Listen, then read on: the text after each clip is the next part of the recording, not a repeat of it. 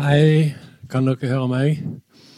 Ja, eh, Kjekt å se så mange i dag. Og jeg skal snakke litt om de tre siste bøkene mine. Og, og det er altså disse tre her, om dyr og syn, om søvn og mørke og om liv på jorda, som eh, i større grad enn tidligere bøker basert mer direkte på meg sjøl og, og, min eh, tanke og livsførsel, kan jeg si.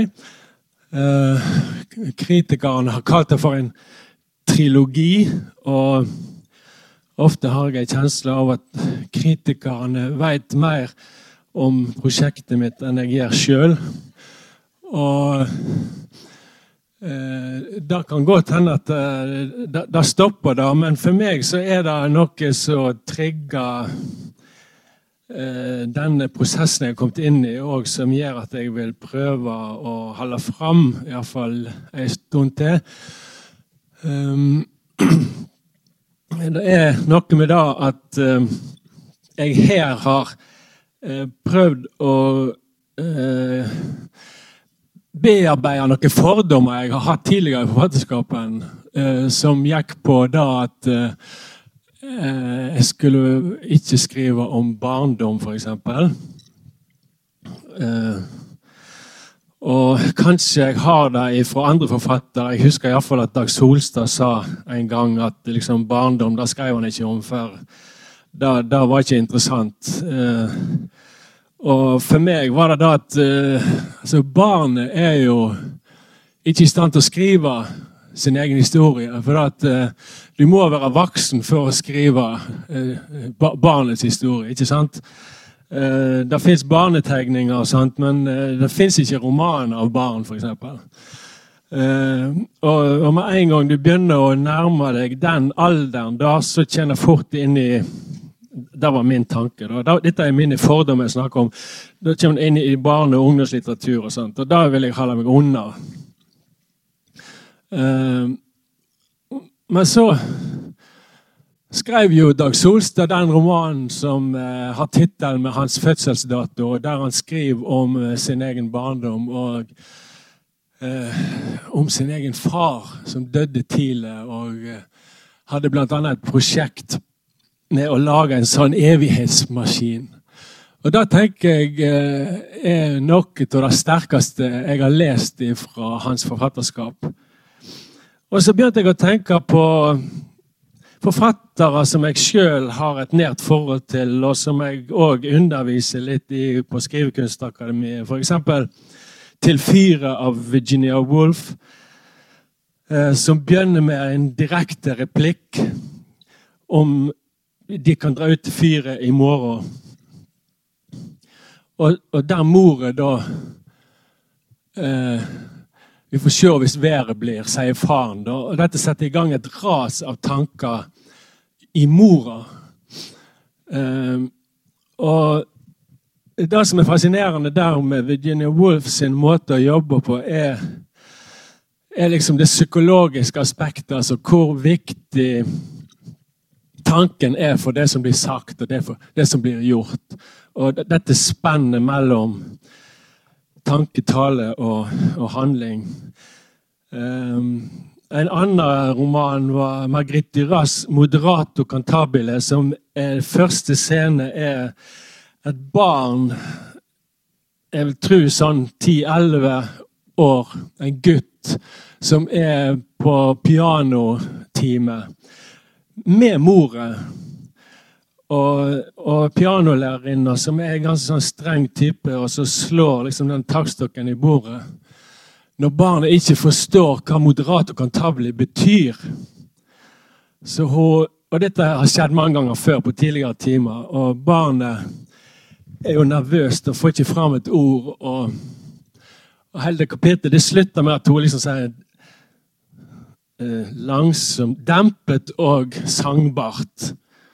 Men altså, der òg blir barn på en måte brukt til å få fram forhold mellom barn og voksen. Altså det naive, den underlegne.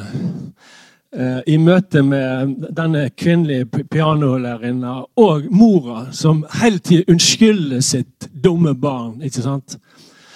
Og Det er òg en scene som skjer utenfor, som barnet legger merke til. ikke sant? Så Barnet er på en måte sansenes instans da, og ser dette som skjer ute på gata utenfor denne restauranten, der et mord skjer, da, et drap.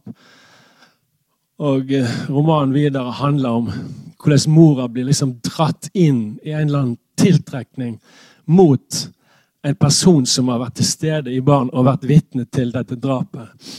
Og der liksom barnet blir oversett og måtte utsatt for en sånn glipp, på en måte. Uh, og Når jeg leser sånne ting, tenker jeg, så vet en ikke helt hvorfor en roman treffer en. Men det er et eller annet med det å lese altså Plutselig så kan du merke at det slår veldig i deg. Altså, det, det treffer. Um, sånn at um, en har ulike bøker som betyr mer for en enn andre. Og uh, det er ikke alltid en helt kan forklare hvorfor men det er noe der. Uh, Thomas Bernhard har òg en, en østerriksk forfatter som var veldig viktig for meg når jeg begynte å skrive. I dag så er det spesielt fem bøker som står igjen. og Det er en sånn selvbiografisk serie der han skriver om sin oppvekst. Og han lyver mye. Altså, Hans Høller, en biograf, og han har liksom gått sånn etter i sporet. og funnet ut at det er veldig mye feil der. da. Men det er likevel et enormt sterkt uh, uh, litterært uh, verk han har lagd der, som er det som på en måte sitter i meg sterkest nå i dag. så dette, det jeg skal prøve å si litt om nå, før jeg leser for dere, det er hva er det som får meg til å ville skrive noe? Eh, og I forhold til dette prosjektet her, så er det noe med det å gå tilbake og se eh, tinget rundt deg. Eh, men òg eh, selve huset eh, jeg vokste opp i. Eh, far min var født 15. mars i 1932, og jeg var født 15. mars i 1962. På dagen, ikke en dag før, ikke en dag etter, men på dagen 30 år etter han. Og eh, Dette kan en jo gjøre til en historie. Og det gjorde jo selvsagt han. ikke sant? Eh, han var jo veldig stolt over at eh, at dette skjedde, denne tilfeldige tingen, da fikk jo han til å bli beregning fra hans side. Og det var en sånn munter historie. Og jeg vokste opp veldig med den ideen om at det var noe helt spesielt med, med meg. Jeg skjønte ikke da at det var far min som hadde forårsaka min fødsel. Jeg, jeg, tenkte at det var meg det handla om. Um, og, og denne relasjonen til far min handler òg om at jeg var født som odelsgutt. Jeg hadde ei jente, ei søster som var tre år eldre. men Pga. odelsloven, som ble måtte justert etterpå, å åpne opp for jenter, men det var for gikk ikke så langt tilbake som til henne, som var født i 59. Sånn at eh, jeg ble da odelsgutt, og der var jo eh, Det lå i kortet liksom helt ifra jeg var født. Og, og, og der lå en forventning der, og den på en måte forsterka dette her spesielle. Huset vårt hadde to innganger. Uh, bygd i 58. Og det var én vanlig inngang med et bislag. Og når du kom inn i, bislaget, så var det rekker med skap. Og Det første skapet var florskapet. Da du åpna, der hang det kjeledress og støvler. Og når du kom inn gjennom bislaget, så gikk du rett inn på kjøkkenet. Og så måtte du gjøre en ny gang for å komme ut på toalettet, og der var den andre utgangen, som var den fine utgangen, som hadde en mye finere dør.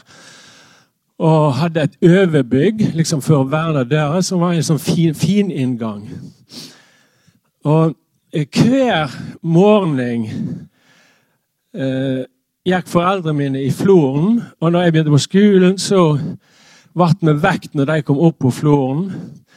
Og når jeg begynte på ungdomsskolen, så hadde fatter'n eh, greid å liksom utdanne seg og, sånn innenfor bankakademisystemet og, og blitt branksjef på Manger, da, som var liksom eh, sentrum på Radøy. Eh, mil eh, sør for Bøvågen, der vi bodde. Og da var det ofte at jeg foretrakk å bare sitte på med han framfor å ta bussen, for han begynte sånn at det passet veldig godt. Eh, da var det sånn at eh, når de kom opp på floren, så kom han i kjeledressen inn, åpna skapet, eh, florskapet, hengte fra seg kjeledressen. Sånn, det dunsta jo av silo og kuskitt og sånn. Tok av seg støvlene, inn i dusjen, inn på soverommet kom ut igjen i dress. Og så satte han seg til bordet. Han var jo ferdig å ete da, og vi satt og åt frokost. Det han gjorde, det var å opp skapet og ta fram barbermaskinen og så stakk han den inn i et støpsel rett attmed der han satt. Og så barberte han seg. Og så, alltid når han var ferdig å barbere seg, så, så la han kjaket bort til meg og så ba han meg kjenne om det var mjukt nok. Ja da, det var det jo alltid. Han likte da altså at jeg skulle kjenne på at det var mjukt nok. Og sant, Hele mannen var da transformert ifra da å være bonde til å gjøre seg klar for banchen, ikke sant? Og han røykte hele tida. Hjemme så hadde han pipa. Når han satte seg i bilen, så hadde han pipa eh, klar, så den, den, hadde han når han kjørte. Men den la han att i bilen når han gikk i banken. Og der i lomma hadde han Camel-sigaretter. Det var fine sigaretter når han var i banken. Og i banken så var det jo selvfølgelig store askebeger på og fantastiske fine møbler i eik og sånt. Men når vi gikk ut for å sette oss i bilen, så gikk vi ut florsdøra, altså den vanlige døra. Og den fininngåingen ble aldri brukt. Eh, og det har jeg tenkt på eh, der, Jeg kan ikke forklare det, men eh, det at aldri ble brukt Jeg husker en gang vi hadde hushjelp for at mutter'n måtte være med eh, en yngre bror på til legen eller til sykehuset. Og sånt. Og så skulle vi ha en hushjelp i to dager. Hun brukte den døra. Eh, eh, er sånn som så, så, har sett seg. Jeg, jeg veit ikke hva det betyr. Hva, hva jeg skal ligge i det, det er jo ikke noe, noen som mener noe spesielt med det. Far min i den transformasjonen Han visste at han ville at jeg skulle overta jorda. Men samtidig så, så jeg liksom hvordan smilet bredde seg på ansiktet hans etter hvert som han shina seg opp. Så når han var ferdig å barbere seg og var glatt og tok på seg sånn aftershave, heiv på så gliste han. Så han, så han gledde seg til å gå på arbeid. Og Det var helt noe annet enn å skulle i floren. For da var liksom det daglige, og da var liksom hverdagen. og da... Eh, men for meg så var altså florslukta òg en sånn søt, søtlig eim. Altså. For meg var det assosiert med veldig sånn god lukt. Så jeg skilte ikke så veldig på det. Men altså eh, den, den tingen at han likevel gikk ut forbi flåskapet med dressen Da tenker jeg, da går an å skrive om. Han døde når jeg var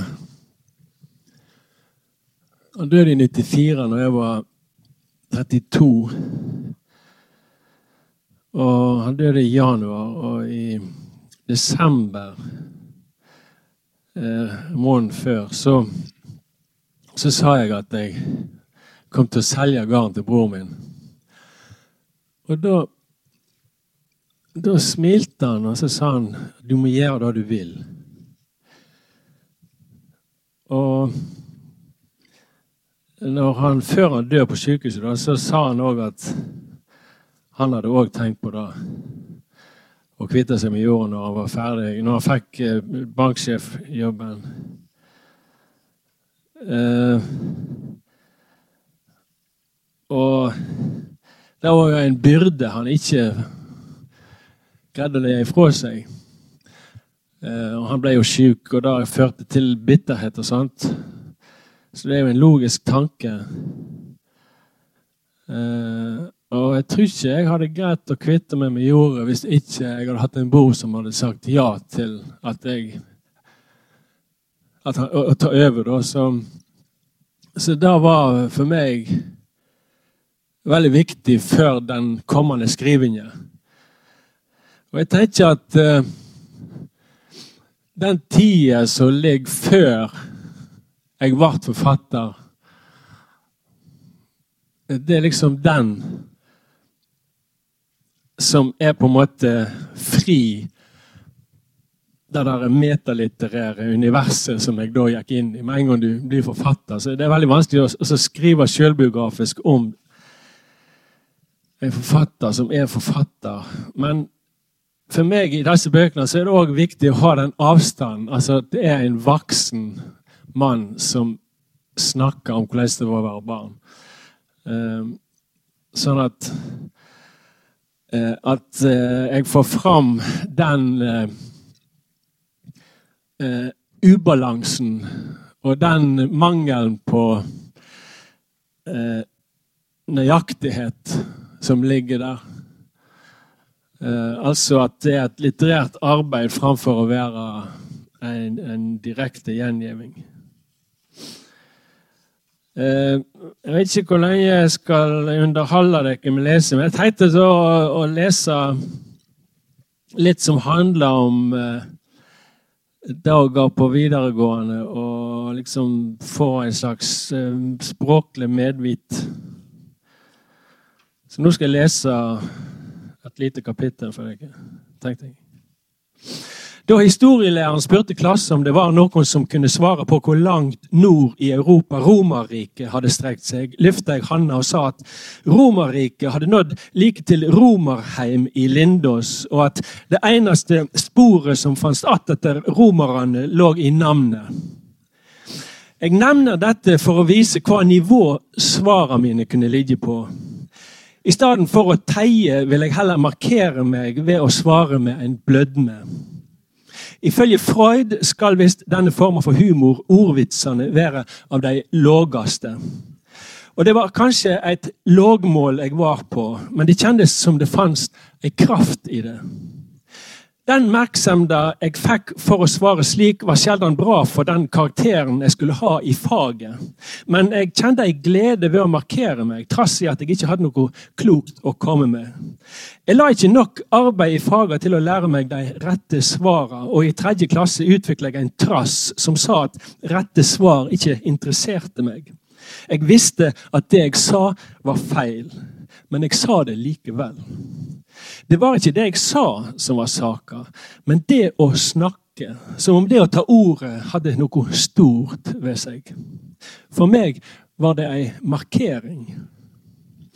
Det fantes ikke noe opprør i det, men det lå ei spenning i det å høre meg sjøl si feile ting.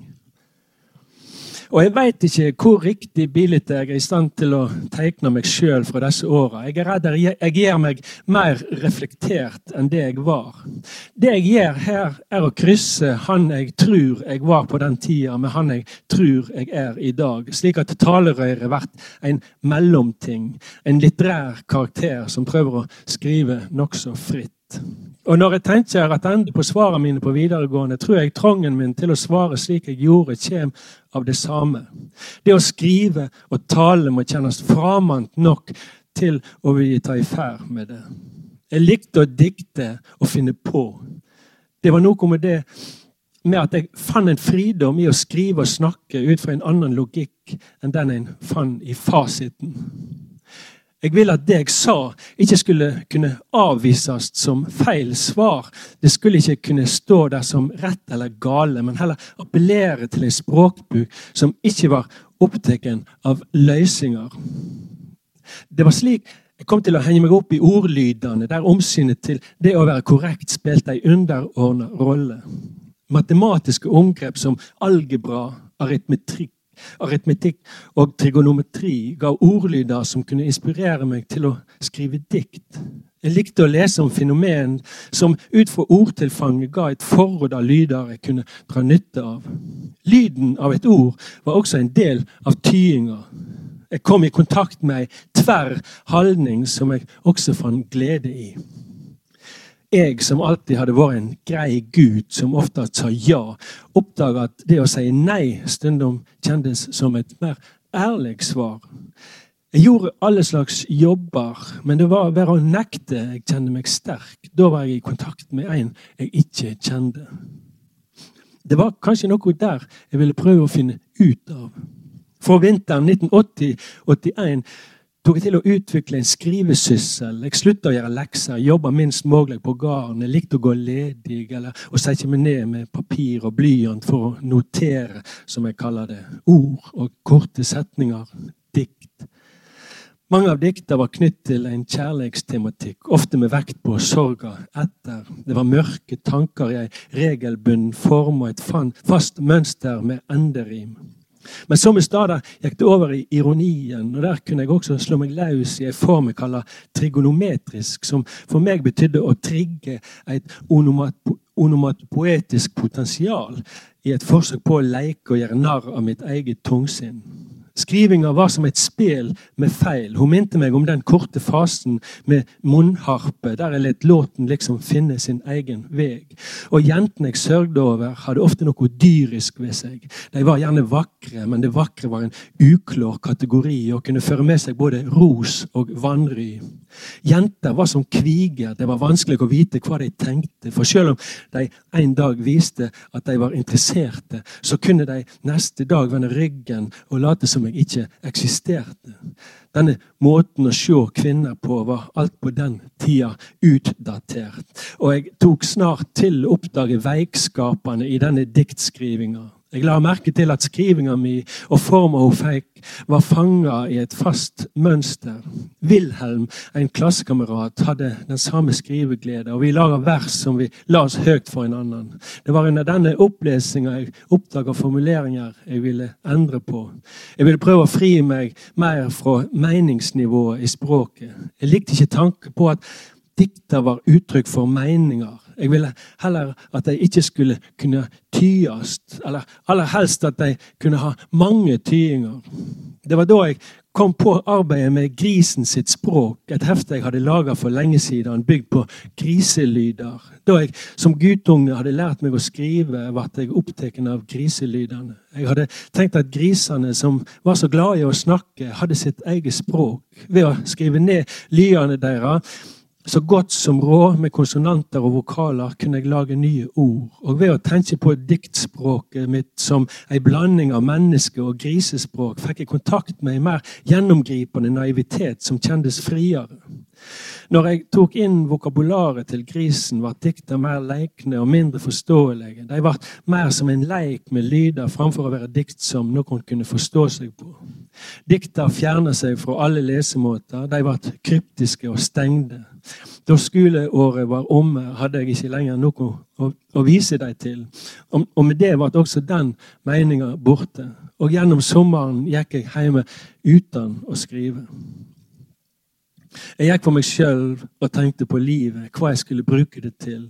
Og det var som å gå og vente, som å vente på at noe skulle begynne. Når begynner det voksne livet? På en dans møtte jeg att Margrethe. Det var i gangen oppe like utenfor salen. Margrethe er da ei som har gitt han en maskinstrikka genser tidligere, som det har blitt slutt mellom. Bandet sto på scenen, vokalisten snakka i mikrofonen medan gitaristen slo noe riff på gitaren. Jeg skulle til å gå inn da jeg så hun komme ut fra toalettet, og idet hun var på vei inn i salen, så hun på meg uten å si hei. Det var bare en øyeblink, et blikk. Det kjentes som hun ikke så meg. Ville hun ikke vite av meg? Så braka musikken løs. Jeg kjente blodet, hvordan det jaga i årene. Neven min var glovarm. Jeg kom meg ned trappa og ut i frisk luft. På baksida av ungdomshuset slo jeg knyttneven mot en veggplanke, og siden sto jeg og så på de blødende såra på knokene. Jeg visste ikke hva jeg skulle gjøre. Og jeg ville ikke at noen skulle se meg, aller minst at jeg hadde gjort meg noe. Jeg løfta handa, helte over munnen og lot blodet dryppe ned på tunga. Og endelig roa hjertet seg. Det var som om smaken av blodet stilna det. Jeg ville vekk fantes det ei anna side av livet. Jeg gikk ned bakken fra ungdomshuset, kom ut i veien og gikk oppover. Jeg kom opp på flata mot bedehuset, stansa ved inngangen til gravplassen. Inngangspartiet var mura opp i stein. Det var noe staselig og samtidig sakralt over det. En inngang med søyler og tak. Jeg gikk bort til porten og skuva ned håndtaket. Så åpna jeg og gikk innenfor. Gravene sto der i svakt lys fra den veksende månen. Store steintavler med små krosser. Jeg satte meg inntil ei grav og tok fram papir og blyant fra baklomma. Så skrev jeg med ujevn håndskrift. Syrl egdi handled mot munn ti bed. Fuglen len nede i trådens nåde. Farg min finger i blod, stive eid råd. Dyre år fra land, et gold. Tyn tyner seg l. Du hand mi, mer kjær. Da jeg løfta handa opp, så jeg at blod, en blodfrekk hadde lagt seg på den neste kanten av papiret. Jeg prøvde å tørke den vekk, men den røde fargen hadde festa seg. Jeg så mot blodet som i månelyset gikk mot svart. Tenkte på å rive det bort, men det var noe med formatet. En balanse jeg ikke ville ødelegge. Jeg bretta lappen en gang, la blyanten tilbake i baklomma. Lappen hadde jeg i neven uten blod på. Den blødende handa lå i lomma på jakka, krumma omkring blyantstumpen. Det var en feil. Jeg har jo akkurat lagt den i baklomma. Musikken var som en svak larm i det fjerne, som kvalme. Jeg gikk tilbake til dansen, hørte hvordan musikken steig i kraft. Hvert steg var en kamp. Opp bakken til ungdomshuset, inn døra. Ingen stansa meg. Stor kraft. Jeg kom opp trappa, sto i gangen og så inn i dansesalen. Musikken skar i øra. På scenen sto bandet. Det var som hver mann jaga instrumentet sitt. Som om alle andre lyder i verden skulle utraderes. For det fantes bare én ting i verden verdt å høre på. Og der så jeg Margrethe, det mørke håret hennes som hang ned, og hvordan det bølger svakt i det medan hun danser. Jeg kunne ikke forstå at hun ville danse til denne musikken. Jeg gikk mot henne med bestemte steg, la handa med diktet på armen hennes. Hun stansa, så på meg. Så stakk jeg fram papirlappen, la han i handa hennes og sa dette er for genseren.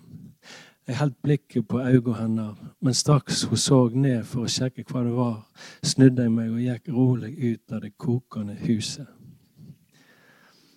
Det var kapittel 16. Nå har holdt på i en halvtime. Jeg takker for meg, og takk for at dere ville høre på.